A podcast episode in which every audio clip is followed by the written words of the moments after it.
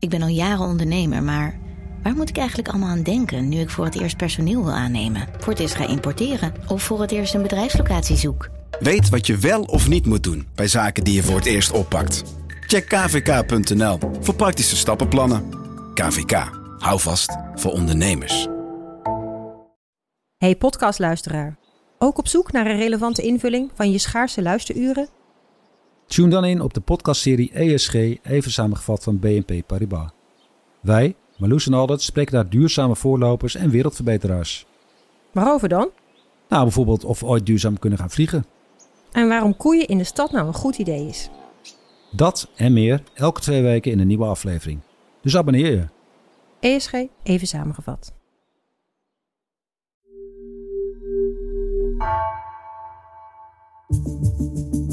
Vanaf de redactie van NRC het verhaal van vandaag.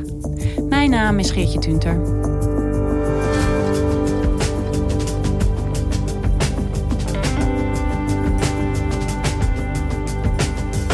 Het was een historische overwinning, de Wimbledon-titel van Richard Krajicek, precies 25 jaar geleden. Geen Nederlander was dat ooit gelukt en niemand heeft het hem sindsdien nagedaan. Redacteur Steven Verseput sprak uitgebreid met Krajicek, zijn vrouw Daphne Dekkers en andere direct betrokkenen en reconstrueerde het grillige pad dat leidde naar deze unieke zege.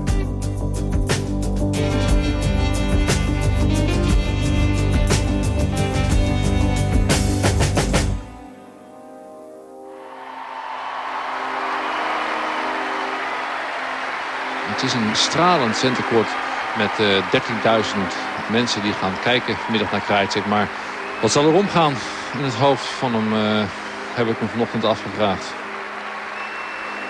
Dan kom je die, die baan op en ja, dat gejuich van het publiek, ja, dat was zo mooi. Maar ik weet niet of ik het echt heb gehoord. Ik keek naar de bovenste ring helemaal rondom om het, eh, om het hele stadion op te nemen. Als je het niet doet, dan, dan heb je het gevoel dat ja, dan kan het publiek op je drukken. Hoeft niet, maar als je dat doet, dan denk je van oké, weet je wel, ik weet wat voor stadion ik sta. Ik weet waar ik sta. Een van mij hielp dat altijd heel erg. Zo'n vol stadion, dat, ik weet niet, het is een soort organisme is dat. Applaus komt op en alles zwelt en, en zindert. En bij Wimbledon is het helemaal erg. Zitten in de playersbox als je van iemand houdt die staat te spelen, is verschrikkelijk. Je kijkt alles in. Voor jou zijn alle services in. Dus ik weet niet, het is, het is, je zit er met veel te veel uh, emotie in. Van Richard werd altijd verwacht dat hij Grand Slam zou willen en in een finale zou staan. En weet je, ik gunde het hem heel erg. Ik had ook het gevoel dat het voor hem een soort van uh, terugverdienen van zijn jeugd zou zijn. Er speelde natuurlijk zoveel mee. Van god, zou mijn vader ook kijken? Dat je aan zijn moeder zou komen. En, uh, want ja, hij had natuurlijk helemaal geen contact met zijn vader. Maar ja, hij en zijn vader, dat was natuurlijk toch, dat was natuurlijk toch het setje waarmee je tennissen uh, was begonnen. Unbelievable.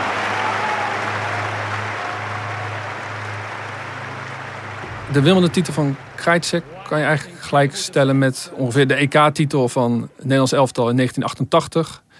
En, en de tourzegers van Joop Zoetemelk en Jan Jansen. De, de, de, daar Zo groot is het. vind ik wel. Ja. Het is de enige Nederlandse man die een uh, Grand Slam titel heeft gewonnen. Mhm. uh, in het enkelspel. En dan ook nog Wimbledon. En dat is echt het meest prestigieuze tennistoernooi ter wereld. Ik was zelf 12 toen hij Wimbledon won. En ik Ja. wilde dat gewoon eens een keer reconstrueren. Hoe heeft hij dat nou gedaan? Wat is de route daar naartoe geweest? En daarvoor heb ik met veel, heel veel mensen gesproken die er destijds bij waren. Zoals zijn coach en zijn vrouw Daphne dus.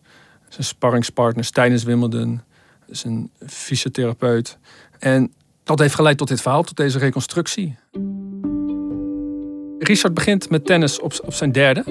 Maar eigenlijk daarvoor al was ik al met bal bezig. Mijn vader heeft me en mijn ouders hebben me altijd verteld dat ik ehm, met een pollepel, een tennisbal over de grond, dan sloeg ik tegen die bal aan en dan kroop ik achter die bal aan en dan sloeg ik hem weer met de pollepel. En dat was mijn eh, manier van vermaken. Met een pollepel achter een tennisbal aankruipen. Op zijn vijfde gaat hij intensiever tennissen. Onder begeleiding van zijn vader. Zijn vader en moeder zijn gevlucht uit eh, communistisch Praag destijds. In 1970. Ja. in Rotterdam terechtgekomen. Daar is Richard ook geboren. En het is eigenlijk zijn vaders droom om van hem een kampioen te maken. Officieel was mijn vader niet mijn trainer, maar hij was wel betrokken. En hij was wel degene die het verzorgde. Hoeveel ik trainde, waar ik trainde. Ehm, en als hij vond dat ik mijn best niet deed, dan, uh, dan greep hij altijd uh, in, zou ik maar zeggen. Dat bemoeide hij zich heel erg ermee. Zijn vader, Petter Krajcek, is een hele dominante man. Is ambitieus voor zijn kinderen. Petter vindt dat hij zelf te weinig is gestimuleerd door zijn vader... om het beste uit zijn sportcarrière te halen. En dat projecteert hij op Richard als hij gaat tennissen. En hoe ziet dat er dan uit, zo'n zo'n sportcarrière eigenlijk van zo'n heel jong kind? Hoe bouw je dat op?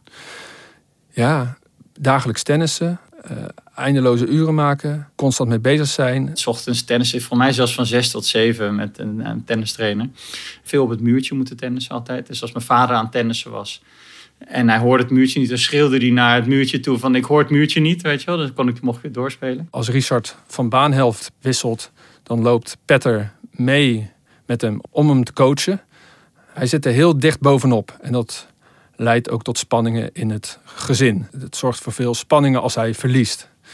En het zorgt ook voor veel spanningen tussen zijn ouders. Rond zijn puberteit gaat het minder goed met zijn prestaties. En dat is ook het moment dat zijn ouders uit elkaar gaan. Dat is als Richard 15 is. Richard breekt met zijn vader omdat hij hem te dominant vindt. En hij gaat bij zijn moeder uh, wonen. Hij kiest voor zijn moeder.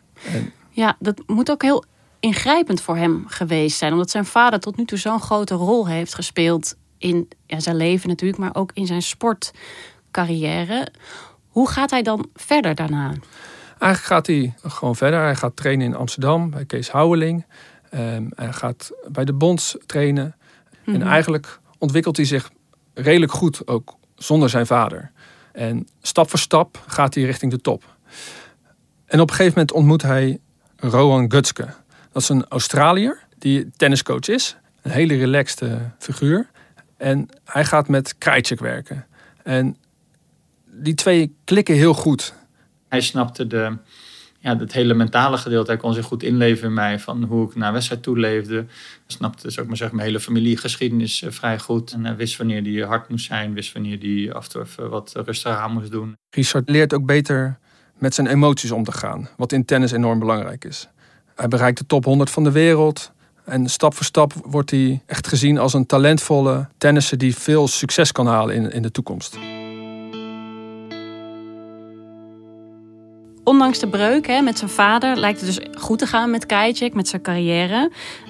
Niets lijkt hem eigenlijk in de weg te liggen dan op dat moment. Dat zou je denken. Maar hij heeft heel veel last van blessures. Eigenlijk constant achtervolgt dat hem.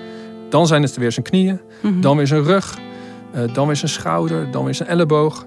Het is iets waar hij constant mee bezig is. Hij is er continu mee bezig om te voorkomen dat hij geblesseerd raakt. En ik kan me ook zo voorstellen dat dat dan invloed heeft op zijn sportprestaties. Zeker, hij moet af en toe opgeven in toernooien. Um, zoals tijdens de Australian Open in januari 1996, het jaar van Wimbledon. Dat is gewoon helemaal niks, dat toernooi. Uh, eindigt met een blessure aan mijn onderrug, aan mijn SI-gewricht, waar ik eigenlijk nooit last van heb. Ik kwam helemaal vast te zitten uh, tijdens de wedstrijd. Ja, ik kon, uh, ja, ja, ik kon wel wandelen, maar ik kon niet meer spelen. Ik weet nog toen naar Australië, toen kwam hij terug, dat hij echt iets van, nou, ik, uh, ik begin dit echt wel heel ingewikkeld te vinden. Want je bouwt natuurlijk iets helemaal op. En dan steeds als je wil oogsten, dan schiet het ergens links in of rechts in. En al die operaties en al die revalidaties en altijd pijn. Hij denkt in het vliegtuig terug naar Europa aan stoppen eigenlijk met tennis. Heel even schiet dat door zijn hoofd. Maar die gedachte drukt ook snel weer weg, omdat hij ook wel weet, ja, wat moet hij anders zonder tennis? Wat is hij zonder tennis? Dus hij besluit gewoon door te gaan. Ja, dus hij is gewoon heel erg aan het worstelen eigenlijk op dat moment. Ja, hij is heel erg aan het twijfelen. Hij is een enorme pijnzer van zichzelf mm al. Uh, enorme perfectionist. En dat kan je natuurlijk soms tegenzitten. Ja. En zijn coach Rowan Gutske ziet dat ook. En die geeft aan dat Krajcek daar iets mee moet gaan doen. Ik weet nog een keer na een wedstrijd. Toen ging het een tijdje al niet goed. En ja, ik, ik had gewoon geen energie. En, uh, en, dacht van, fuck, weer niet maximale inzet gehad vandaag. En hij komt naar me toe. Hij zegt van, ja, je zit er gewoon doorheen, zie ik. Ik kan je niet coachen zo. dus je moet echt met iemand praten over vroeger. Over, je moet even naar een psycholoog toe, weet je wel. En toen heb ik een aantal sessies bij een psycholoog uh, gelopen. En heel erg daarover gehad. En zou ik maar zeggen, dat, uh, die emmer leeg gegooid. Of dat gewicht van mijn schouder afgegooid. En toen konden we eigenlijk uh, door. En Daphne probeert hem ook te helpen met meer in het nu te leven. Vanuit de zen-filosofie. Wat profsporters moeten doen is natuurlijk het ultieme loslaten. Want je staat daar in zo'n stadion met tienduizenden mensen. En, en als tennisser sta je er altijd alleen. En voor Richard is nooit iets zoals het is. Hij kan alles heel netjes kapot denken. En um, ja, dat heeft hem innerlijk heel veel geremd. Van vind ik tennis nou eigenlijk wel leuk? Of doe ik het nog steeds voor mijn vader? Of doe ik het eigenlijk omdat ik niks anders kan? Of voor wie doe ik het eigenlijk? En, en zeker het boeddhisme uh, is toch heel erg van, uh, van het accepteren. Van het, het is zoals het is. Hij is hier heel erg mee bezig eigenlijk. Hè? Dus niet alleen het fysieke, maar ook zeker dat mentale. En heeft hij daar wat aan, dat hij daar zoveel tijd aan besteedt? Nou, het is niet meteen zichtbaar. Een maand voor Wimbledon verliest hij nog op Roland Garros in de kwartfinale. Wat op zich een goed resultaat is. Maar hij is er wel enorm teleurgesteld over. Het is zelfs zo dat hij enkele weken later serieus overweegt om niet naar Wimbledon te gaan. Hij speelt in juni 96 op Rosmalen. Een voorbereidingstoernooi voor Wimbledon op gras, hier in Nederland. En daar verliest hij in de kwartfinale van Paul Haarhuis. En ja, zijn spel geeft zo te denken dat Richard denkt... nou, het is beter om niet te gaan. Ja, dus ik verloor van hem, was uh, negatief. En ik was nou, ik heb geen zin om naar Wimbledon te gaan. Want ik voelde ik de hele tijd uitglijden en dat ik een nieuwe blessure oploop. En ik had natuurlijk die knieën die waren gevoelig. En als er dan een plotselinge beweging bij kwam, is het gewoon helemaal niet lekker.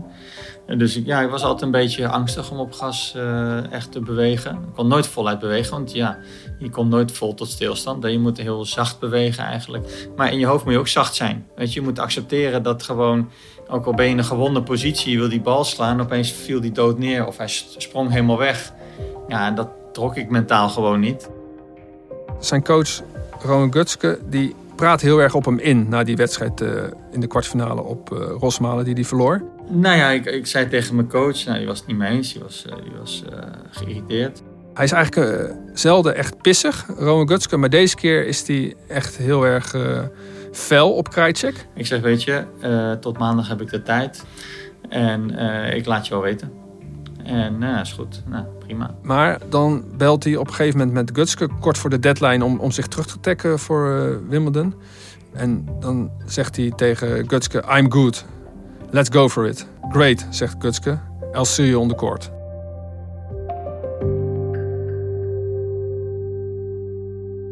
Dus hij gaat er zonder verwachtingen naartoe. Hoe verloopt het toernooi dan voor hem in het begin? Eigenlijk best wel goed tegen de verwachtingen in. Hij speelt goed, heeft een goede loting en uh, komt eigenlijk vrij makkelijk door de eerste rondes heen. En stap voor stap groeit hij langzaam in het toernooi. Hij komt eigenlijk op een soort roze wolk. Hij wint van de Duitse Mikael Stieg. Wat misschien wel een van de beste wedstrijden was van Krajcek dat toernooi. Maar meest aansprekend is de kwartfinale tegen Pete Sampras. A moment of truth for both of them here, Bill. For, for Krajcek, what an opportunity to uh, finally convince everyone what we've believed for so long that this man has the game to win on the game's greatest stage. Ja, hij was de man op Wimbledon, drie jaar op rij gewonnen. Uh, natuurlijk fantastisch, nummer één speler. Maar toch ging ik met een gevoel van, nou, dit kan ik gewoon hebben. Sampras gaat in het begin helemaal los eigenlijk tegen Krajcek. Ik had hem nooit zo goed zien spelen. Tegen mij zou ik maar zeggen. En dan nooit zo ja, zo, zo hè, op zijn kivive zou ik maar zeggen, zo scherp. En, en hij, hij, hij, hij came out firing, zoals dat zegt. Dat is ongelooflijk. Sfeerde big en, en returns en hij sprong uh, tussen de punten door en hij was helemaal fired up. Well, this shot will have made Sampras feel a lot better. It's a speciality shot of his. I don't see anybody else playing it anywhere near like him. Just look at the lead. Ja, hij wilde totaal mij overbluffen, zou ik maar zeggen. Shot. En met moeite houdt Krajcek in het begin stand. En hij kan bijblijven bij Sampras. Daphne is inmiddels ook naar Londen gekomen. Daphne, as anxious as Richard Krajcek. Probably more so. Zij ziet in de spelersbox hoe Krajcek eigenlijk eh, verrast tegen Sampras. Hij wint de eerste twee sets, heel knap. Maar dan wordt de partij opeens onderbroken vanwege regenval. Terwijl Krajcik echt in de winnende modus is. En juist door die onderbreking is hij bang dat die flow onderbroken wordt. En Sampras zich ja, de volgende dag bij de hervatting uh, kan herpakken. Maar uh, dat gebeurt dus niet. Nee, Krajcik weet de volgende dag in 22 minuten de derde set te winnen en wint de wedstrijd. The champion is out. Grappige is dat Daphne in de spelersbox zit, vlak achter de vriendin van Pete Sampras. Toen draaide zijn uh, toenmalige vriendin uh, zich naar me om en zei: oh, Congratulations, I think we saw the new champion today. Toen dacht ik van: Oh. En toen was eigenlijk voor het eerst dat ik dacht: Goh, dat zou, dat zou best wel kunnen eigenlijk. Maar dan moet hij natuurlijk nog wel even de halve finale winnen. Ja, en dat doet hij ook eigenlijk vrij makkelijk. In drie sets. En vervolgens ziet hij dat hij in de finale tegen Molly Washington speelt. Mm. Een outsider, een Amerikaan, geen grasspecialist. En ik denk, oh, ongelooflijk. Tegen Washington, wauw. Zo'n kans ga ik nooit meer krijgen. Ongeacht of ik nou tien Grand Slams win, maar voor mij ga ik nooit meer zo'n kans krijgen tegen zo'n speler. En dat is natuurlijk weer een last aan zich eigenlijk. Want dan moet je natuurlijk wel ook nog doen, zeg maar. Hoe bereid je je daar nou op voor als tennisser? Ja, daar is geen handleiding voor. Mm. Maar tennis is een ontzettend mentale sport. En met, met allemaal bijgeloof en rituelen. Mijn belangrijkste ritueel is dat, dat stuiteren bij mijn service was eigenlijk altijd oneven. Dus drie keer, vijf keer, soms zeven keer als het niet goed voelde. Maar ja, ik telde ook gewoon echt, oké, 1, 2, 3. Nee, voelt hem niet goed. En dan gewoon 1, 2 of misschien 4, 5, weet niet wat ik bedoel, dan telde, weet je wel. En dan stoot ik nog twee keer bij. Nee, voelt hem niet goed. En dan stoot ik gewoon nog twee keer bij. And the great future champion is serving. Ik uh, had zo'n petje bij me uh, tegen de zon. En um, dat durfde ik ook eigenlijk niet meer af te zetten. Ja, je, krijg, je wordt zo bijgelovig. Het is echt ik weet niet waar dat door komt. Ik denk dat je toch een beetje houvast wil hebben als je daar een beetje op dat stoeltje langs de lijn zit. En de avond voor de finale huurt Richard de film Braveheart. Ik wist dat hij goed was. Dat, dat, ik, wel, ik vond hem leuk. Ik vind hem nog steeds leuk. En ik denk van uh, in ieder geval dat. En ik ga niks nieuws proberen. En dat je een team is denkt, wat zit ik nou naar te kijken? Ik denk van nee, dat, uh, dat past gewoon niet. Op de ochtend van de finale spoelt u nog één keer de band even terug om een, die bekende scène in die film uh, te zien... waarin de Schotse vrijheidsstrijder William Wallace... William Wallace. zijn troepen toespreekt voor een grote veldslag tegen de Engelsen. En dat inspireert Krajcek om met een goed gevoel die dag in te gaan. Dat was een hele mooie speech, vond ik dat. En ik denk van oké, dat, heb ik, uh, dat, uh, dat gaat me ook helpen, gaat me ook inspireren. En dus die scène heb ik nog even teruggekeken. Dus dat was mooi. En, en toen dus naar de tennis toe. For one chance, just one chance. En hoe is het om daar te arriveren als finalist? Ja, het is heel vreemd, want de eerste dagen van het toernooi is het hartstikke druk op uh, Wimbledon Park. De kleedkamers zitten helemaal vol en de banen staan helemaal vol. Enorme dynamiek. Mm -hmm. Maar hoe langer het toernooi duurt, hoe, ja, hoe stiller het wordt eigenlijk. Alles was leeg. Weet je wel, het was een soort gladiatoren. Dat niemand was meer over. Alleen Richard en, en, en Washington. Dus de hele Players Lounge was leeg. En ik, ik dacht van, goh, het is dat geeft het iets heel spookachtigs. Dat het helemaal, je bent al zo gestrest. Dan denk je, god, ik zit hier dus nu gewoon echt helemaal alleen. Krajcek loopt met Washington door de gangen van het centercourt naar beneden. Een trappetje af. En dan moet hij even plaatsnemen in een wachtkamertje met Washington. En daar komt een man met een witte lange jas. En die vraagt uh, bij de heren waar ze willen plaatsnemen. Links of rechts van de scheidsrechtersstoel op het bankje.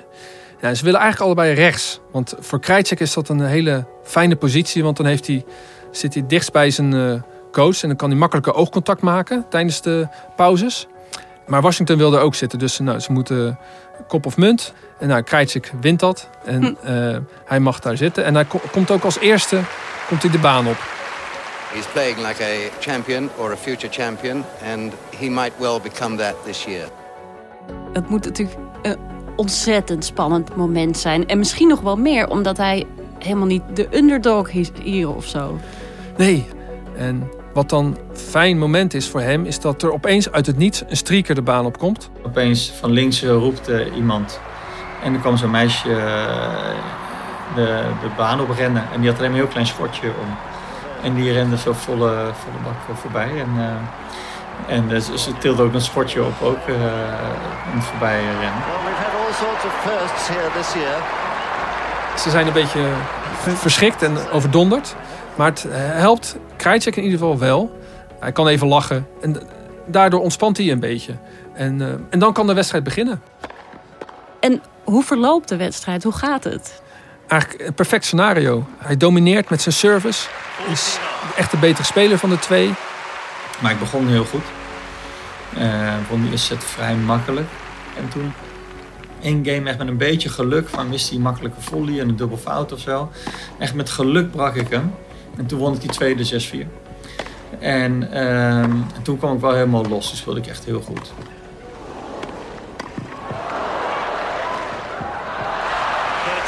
Hij zit eigenlijk helemaal in de flow. Precies, hij is precies de tennis die hij eigenlijk wil zijn. Eindelijk vallen die puzzelstukjes op zijn plek eigenlijk. Ja, zeker.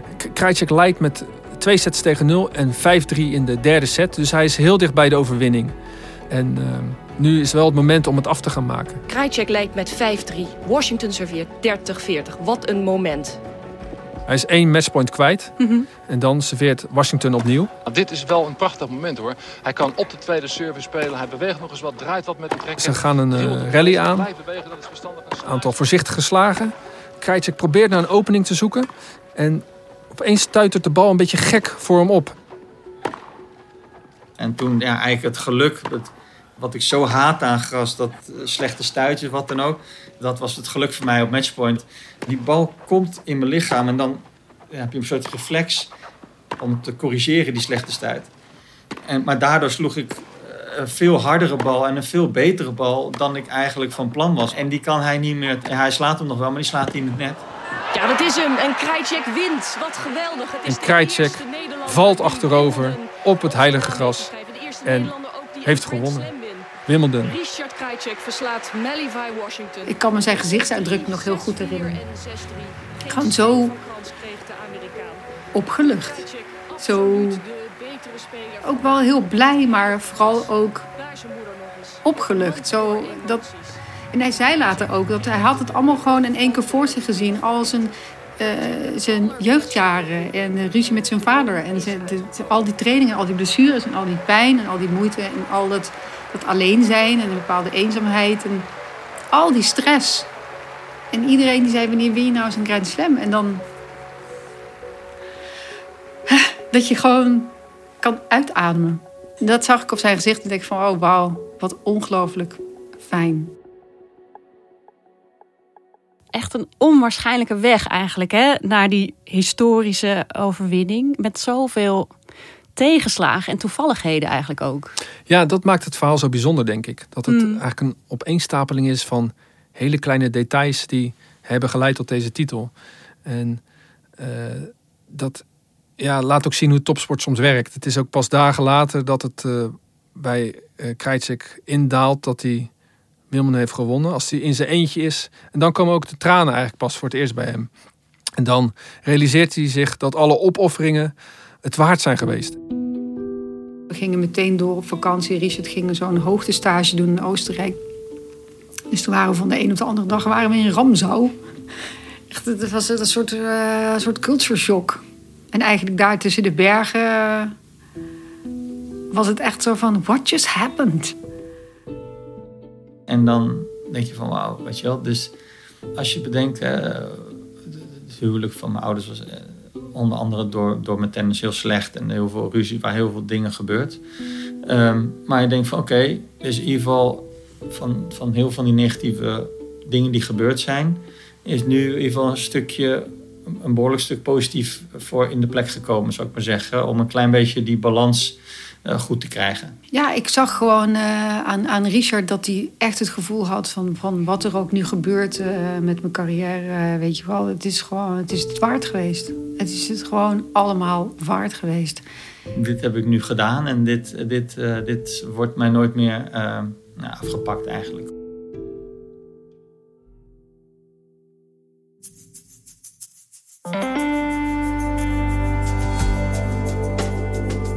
Je luisterde naar vandaag, een podcast van NRC. Eén verhaal, elke dag. Deze aflevering werd gemaakt door Tessa Kolen en Jan-Paul de Bond. Dit was vandaag, morgen weer.